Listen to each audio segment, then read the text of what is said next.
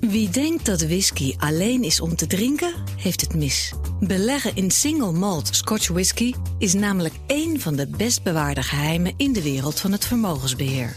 Als real asset past whisky heel mooi in de toenemende vraag naar alternatieve beleggingen. Dat zegt Michel Kappen, oprichter van Scotch Whisky Investments. Een van de grootste aanbieders ter wereld van beleggingen in Schotse single malt whisky. Je leest zijn verhaal op fd.nl/slash partner slash SWI. BNR Beurs wordt mede mogelijk gemaakt door Bridge Fund. Make money smile. BNR Nieuwsradio. BNR Beurs. Jelle Maasbach. Welkom, de week is doormidden en nog meer goed nieuws. We hebben weer een nieuwe aflevering voor je. De podcast voor de slimme belegger. Het is woensdag 4 oktober, een mooie dag voor modebewuste ruimtereizigers.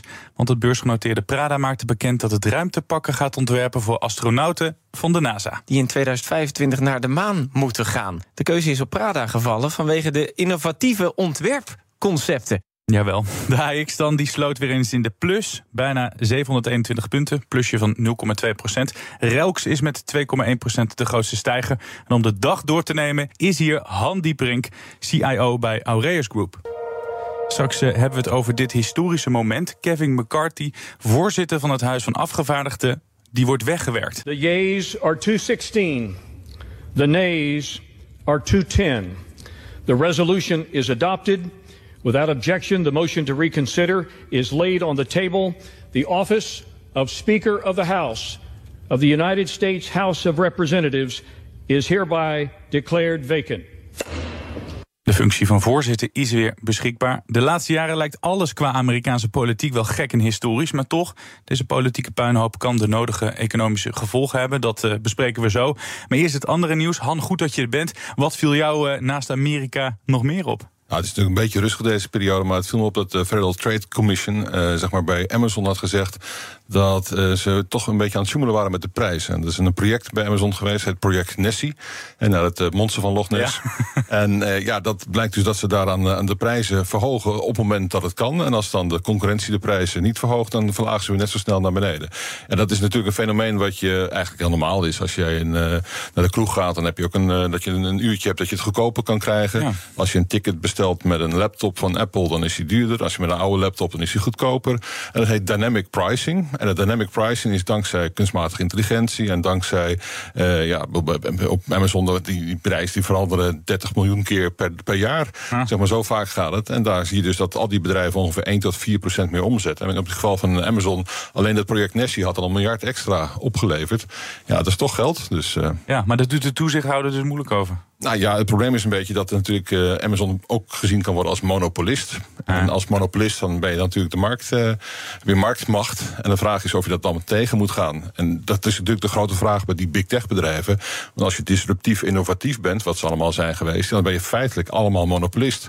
En feitelijk heb je dus door het dynamic pricing marktmacht om zeg maar, de prijs hoger neer te zetten. Dus al dat iets gedoe over grijflatie, er zit enige waarheid achter dat dat kan. En dat kan dankzij moderne technologie. Ja, dan van uh, Amazon naar KLM. Tijdens de coronacrisis moest het bedrijf met miljarden aan belastinggeld overeind gehouden worden. Maar het gaat weer beter met Air France KLM. Zo goed dat het nu zelf een noodlijdende concurrent redt. Het geeft bijna 140 miljoen euro uit en een uh, enorm belang in SAS, Scandinavische luchtvaarder.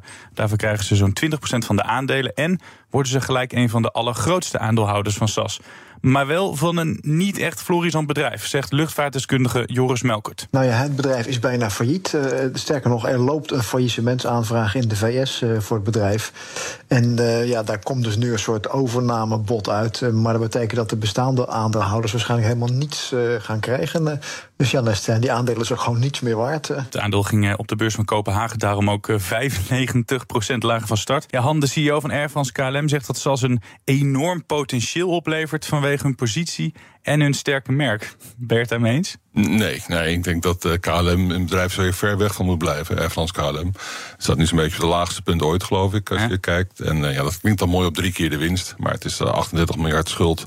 En zomaar 3 miljard van ongeveer de marktkapitalisatie is. Ze hebben negatief eigen vermogen. En het probleem is, ja, die vliegtuigen zijn heel erg duur. Dus als het even wat beter gaat, zoals nu, dan gaan ze nieuwe vliegtuigen bestellen. Er komen hogere looneisen aan. Er komen mensen van de overheid zeggen, ja, je moet toch wel wat minder gaan vliegen. Het is geen, geen goede mix. Dus Een vliegtuigmaatschappij is niet een, iets waar je in wilt beleggen. En dat ze nu SAS kopen, ja, dat is uit de boedel. En misschien dat ze een transatlantische route nog ergens iets kunnen verdienen, maar nee. Ja. Dus goed geld naar kwaad geld gooien is het. Ja, want het is vooral dat SAS deel gaat uitmaken van het Sky-team. Dan kan je zeggen, voor SAS is het, is het goed... want ze gaan samenwerken met spelers uit Europa... Verenigde Staten, China. Maar voor die andere spelers, ja, wat hebben ze aan, aan dit? Nou ja, als, ze, als, ze dat, als het een succes is... dan werken ze in ieder geval niet voor de aandeelhouder... dan werken ze voor de obligatiehouder. Dus die, die, die verdient eraan, die krijgt dan zijn geld terug. Nou ja, zeker sinds de, de, de, de, de coronacrisis zie je gewoon dat het uh, eigenlijk einde oefening is. De feitelijk is KLM gewoon genationaliseerd. En dan is het ook nog een Frans bedrijf, dus dat hebben we ook nog niet hebben. Dus uh, nu zijn die hoorzittingen in, uh, van Wopke Hoekstra. Mm -hmm. Nou, je moet kijken hoeveel die verloren heeft op, op KLM alleen al. Dat, ja. dat is vreselijk. Nee, dit is als onze belegging. Het lijkt, het lijkt mooi op drie keer de winst, hè, want dat is het dan dat het even goed gaat. Ja. Maar geloof me, het is iets waar je niet in wil beleggen. Ook niet op deze koersen. De aandeelhouders van Netflix die weten niet helemaal wat ze aan moeten met een uh, mogelijke prijsverhoging. Gisteren lekte uit dat de streamer de prijs gaat verhogen als die staking in Hollywood helemaal is opgelost. De koers ging gisteren naar beneden. Vandaag lijken ze hoger te sluiten. Netflix uh, die zou volgens de geruchten eerst de Amerikaanse abonnementen duurder maken en dan laten hier in ons land de prijzen omhoog gooien. Maar echt klanten kwijtraken? Nee, dat gebeurt dan weer niet, zegt formatontwikkelaar Kirstian van Nieuwhuizen. Ik denk voor streamers als Netflix, waar mensen toch wel heel erg verslaafd aan zijn, dat als dat verhoogd wordt met 1 of 2 euro, dat dat net niet genoeg is voor mensen om op te zeggen. Bij andere streamers die iets minder verslavende werking hebben, moeten we wel oppassen, denk ik, met te snelle verhogingen. Maar ik denk dat Netflix voorlopig nog wel door kan gaan. Het is net als met sigaretten. Als je ze elke keer met een pakje of met een euro verhoogt, dan blijven de verstokte rokers toch gewoon roken. Han, laatst kwam uh, Jesse Klaver met een bankbelasting. Ja. Kan je dat nog herinneren? Nee, dat weet ik nog. Wat, wat vind je ervan? Ja, ik vind dat, uh, kijk, het is een beetje een Europees fenomeen. We hebben het ook bij de oliemaatschappijen gezien. Dus dat er ook als een overwinst moet dan extra belast worden. En, en ja, op een gegeven moment komt het toch aan de lengte of de breedte. en moet wel betaald worden. Dus het komt ja. weer terug in hogere tarieven van banken of hogere olieprijzen. Dus ja, ik denk niet dat dat zo, uh, zo werkt. Dus met terugwerkende krachten, en vaak is het ook met terugwerkende kracht nog een keer die overwinst afkappen. Ja. En vaak zijn er ook heel veel jaren die heel moeizaam zijn geweest. Dat geldt voor de banken, maar dat geldt eigenlijk ook voor de oliemaatschappijen en andere bedrijven. Het is een typisch Europees in Amerika begin je daar niet over. Dat zie je ook terug in de waarderingen. Amerika heeft ook hogere waarderingen met vergelijkbare bedrijven. Vooral door dit soort uh, ja. gekkigheden. Over die waarderingen gesproken. Je zag toen dat ABN en ING op de beurs naar beneden gingen. Maar de politiek zwakt het plan nu af, zeggen ze vandaag. GroenLinks, PvdA, ChristenUnie en D66 willen de bankbelasting minder sterk verhogen.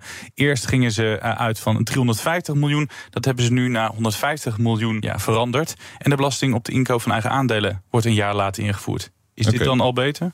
Nou ja, dat is een versoepeling natuurlijk van de maatregelen. Maar het blijft natuurlijk dat je op elk gegeven moment kan het je overkomen. Dus het, je hebt die zekerheid niet als aandeelhouder dat je dat, dat soort gekkigheid niet gebeurt. Dus uh, dat moeten ze gewoon niet doen. We hebben het zo over de beste beursaankoop die Han deed. En ik kan verklappen dat hij dat in Japan deed. Het waren tien onvergetelijke maanden voor Kevin McCarthy. Maar hij moet stoppen als voorzitter van het Huis van Afgevaardigden. Voor het eerst in de geschiedenis is het dat een leider van het Amerikaanse Lagerhuis, vergelijkbaar met onze Tweede Kamer, wordt afgezet. Een vertrek met grote gevolgen, zegt buitenlandcommentator Bernard Hammelburg. Het is slecht nieuws voor het land, omdat als dit soort crises zich voordoen, dan zie je na een tijdje uh, jullie houden dat beter bij dan ik, maar jullie doen het elke dag. Je zult zien dat de economie achteruit gaat. Door de onzekerheid. Want het heeft ook te maken met de beslissingsbevoegdheden over het economisch beleid, het rentebeleid, het inflatiebeleid.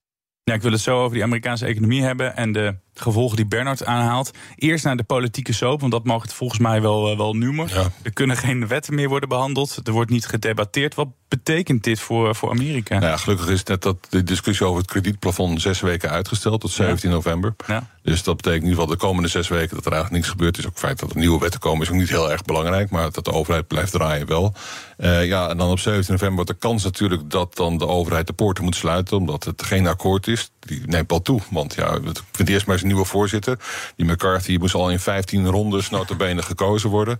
Ja, dat, dat wordt heel lastig. Dus ja. dat, dat, en dat bang ook dat het na 17 november ook niet ophoudt tot aan de verkiezingen. Ja. Dus uh, zeker als je toch heel veel budgettaire maatregelen moet nemen, ja, dat kan wel een effect hebben. Ook omdat de overheid in de VS natuurlijk behoorlijk uh, spendeert. Niet alleen zeg maar, in allerlei investeringsprojecten, maar ook met betrekking tot belastingkortingen. Bijvoorbeeld dat ze je dan uh, studieschulden kwijtscheldt en dat ja. soort dingen. Dat heeft een hele positieve invloed op de, op de beurs. Eigenlijk zorgt dat ervoor dat er een sprake is van een zachte landing van de Amerikaanse economie. Maar die shutdown die komt dan wel echt dit keer dichtbij als ik jou zo hoor. Ja, nou, die ziet dat de kans is toegenomen. Dus niet nu, maar dat is na 17 november. en ik, als je dat in zes weken of vijf weken nu dan moet gaan uh, draaien... Dat is, dat is heel erg lastig, denk ik. En op zich is zo'n shutdown ook nog niet erg. Hè, want bedoel, de vorige shutdown, die langste was geloof ik 35 dagen. Die kostte 0,1% groei. Het is feitelijk niet zo dat er de hele overheid dicht gaat. Want er zijn nog heel veel essentiële banen die wel blijven. Het is ook niet zo dat de, Amerika, de Amerikanen hun staatsschuld niet kunnen betalen of zoiets.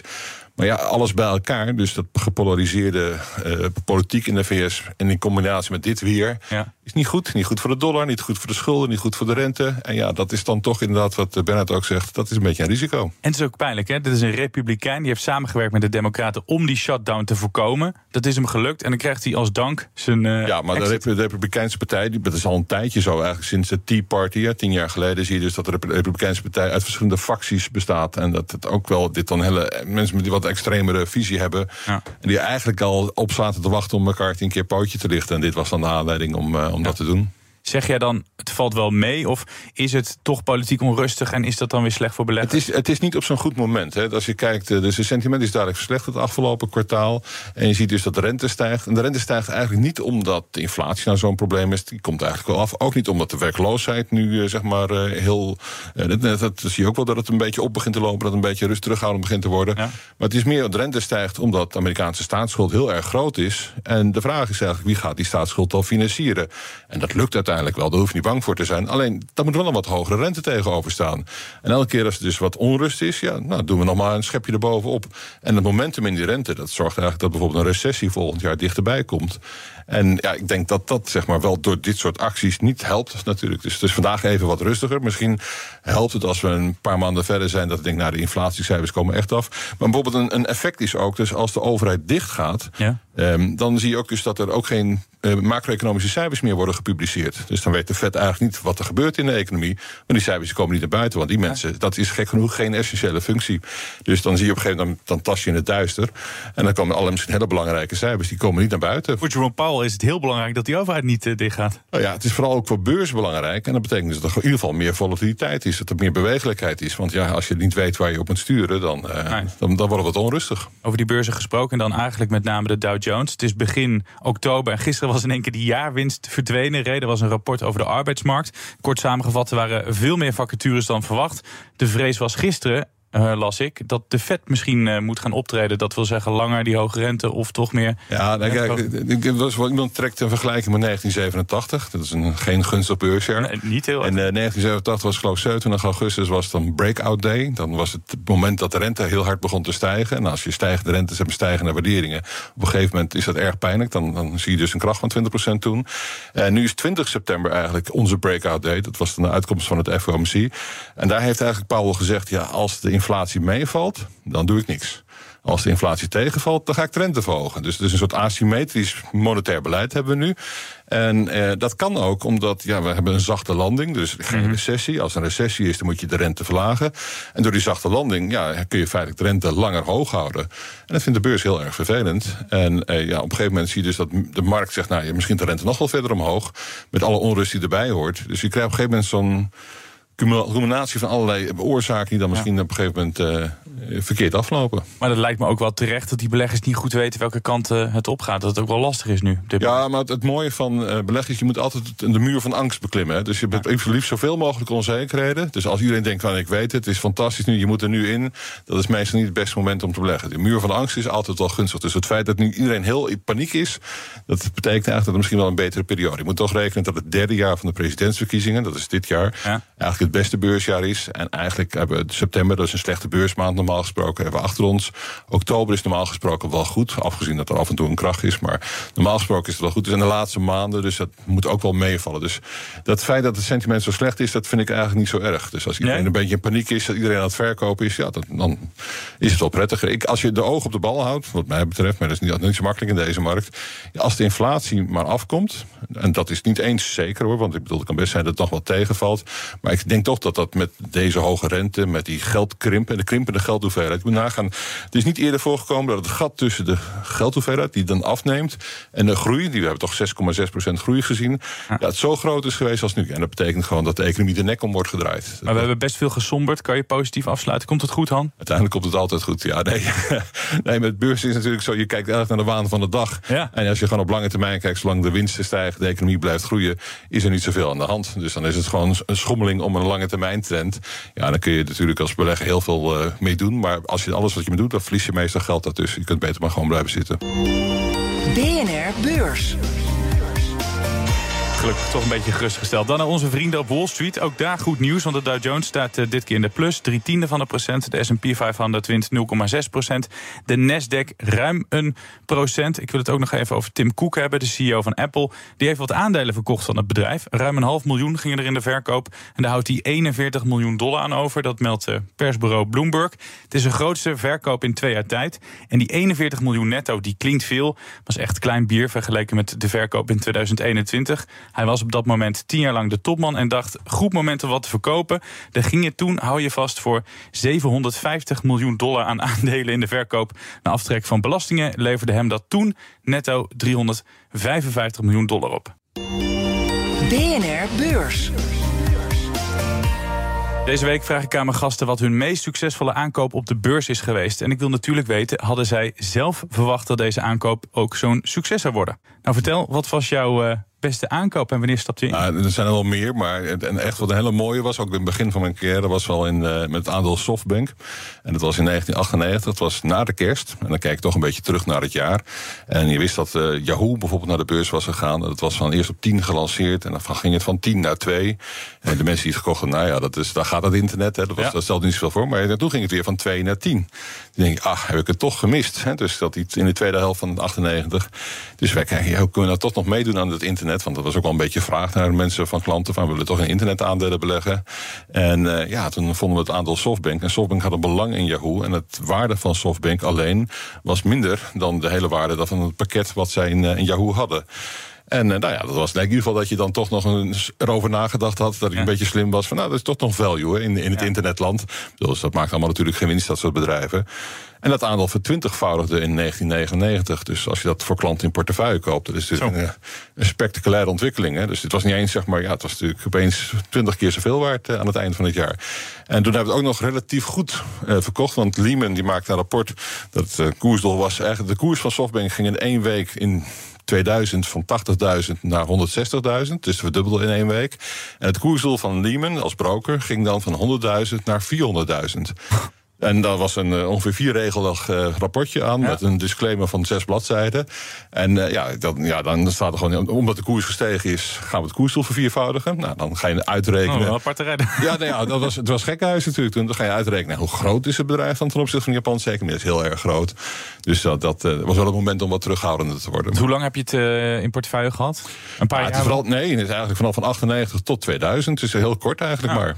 Dus ja, goed, er zijn altijd mensen die natuurlijk een stukje een plukje houden. Omdat ze denken, ja, het gaat ja. nog verder. Want het is natuurlijk, als je op de top van ja. 2000 kijkt... dan denkt iedereen dat de beurs bomen tot in de hemel groeien ja. natuurlijk. Maar... Ik vraag het ook omdat ze de afgelopen jaren de nodige misses hebben gehad. Dus we kennen soms ja, nu van nee. een mis... Uh, kleunen op de beurs? Nee, absoluut. Ze hebben ook wel plussen gehad. Dus ze hebben met Alibaba wel een behoorlijke hit weer gehad uiteindelijk. Maar je ziet nu ook bijvoorbeeld met ARM, wat ze dan gekocht hebben. Het ARM Holdings in ja. de VK, wat ze naar de beurs bracht. Nou, wil niet echt lukken nog.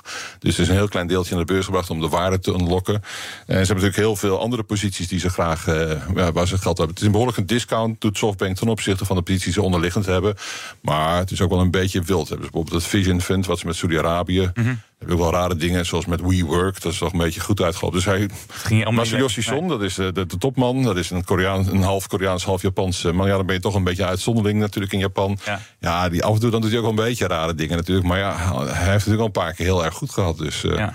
Ze staan nu in het rood dit jaar. Verwacht jij de ommekeer snel of gaat dat langer duren? Nou, ja, ook hier geldt bijvoorbeeld op het gebied van kunstmatige intelligentie. Want dat heeft natuurlijk dat sausje proberen bij arm een beetje eroverheen te gooien. Mm -hmm. Dat zou je toch wel wat van dat soort bedrijven. Hij heeft heel veel start-ups, ook bedrijven die nog niet beursgenoteerd zijn.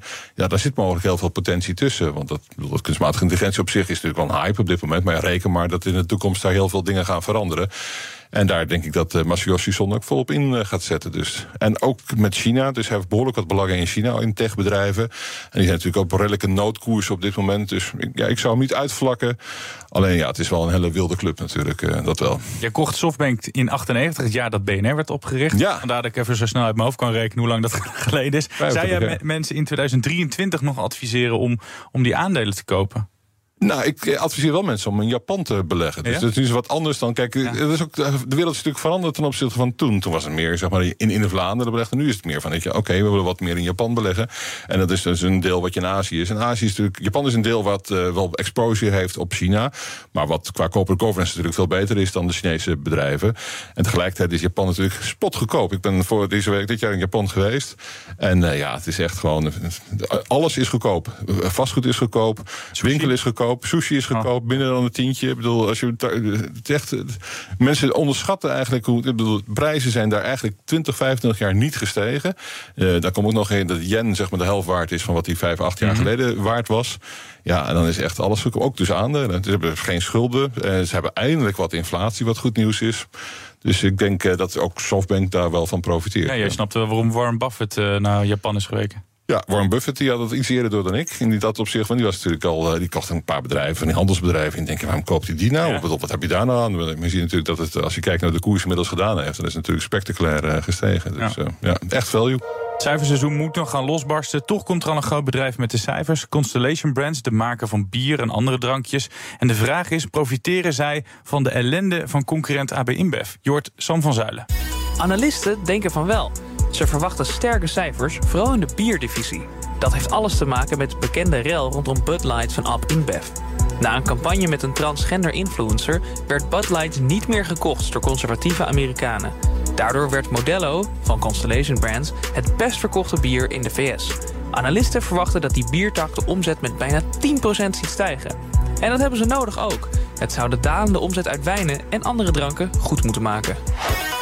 Dit was hem, de BNR-beurs van woensdag 4 oktober... waarin we het hadden over angsten. Want er is angst voor de Fed, angst voor de Amerikaanse economie... en angst voor de politieke chaos. Maar wij werden gelukkig gerustgesteld. Het ging ook over KLM, dat een beetje Scandinavisch wordt. We bespraken Netflix, dat de prijzen wil gaan verhogen. En Softbank kwam voorbij, de beste aankoop van Han. En dankzij jou, Han, heb ik uh, zin gekregen in, uh, in sushi. Dank daarvoor. Han Dieprink, CIO bij Aureus Group. En jij bedankt voor het luisteren. Morgen zijn we er weer. En heb je vragen, stuur ze vooral op. Hè. De hele riedel hoef ik niet meer te doen. Maar die kunnen naar BNR beurs.bnr.nl. Tot morgen. BNR Beurs wordt mede mogelijk gemaakt door Bridge Fund. Make money smile. Wie denkt dat whisky alleen is om te drinken, heeft het mis. Beleggen in single malt Scotch whisky is namelijk één van de best bewaarde geheimen in de wereld van het vermogensbeheer. Als real asset past whisky heel mooi in de toenemende vraag naar alternatieve beleggingen. Dat zegt Michel Kappen, oprichter van Scotch Whisky Investments. Een van de grootste aanbieders ter wereld van beleggingen in Schotse single malt whisky. Je leest zijn verhaal op fd.nl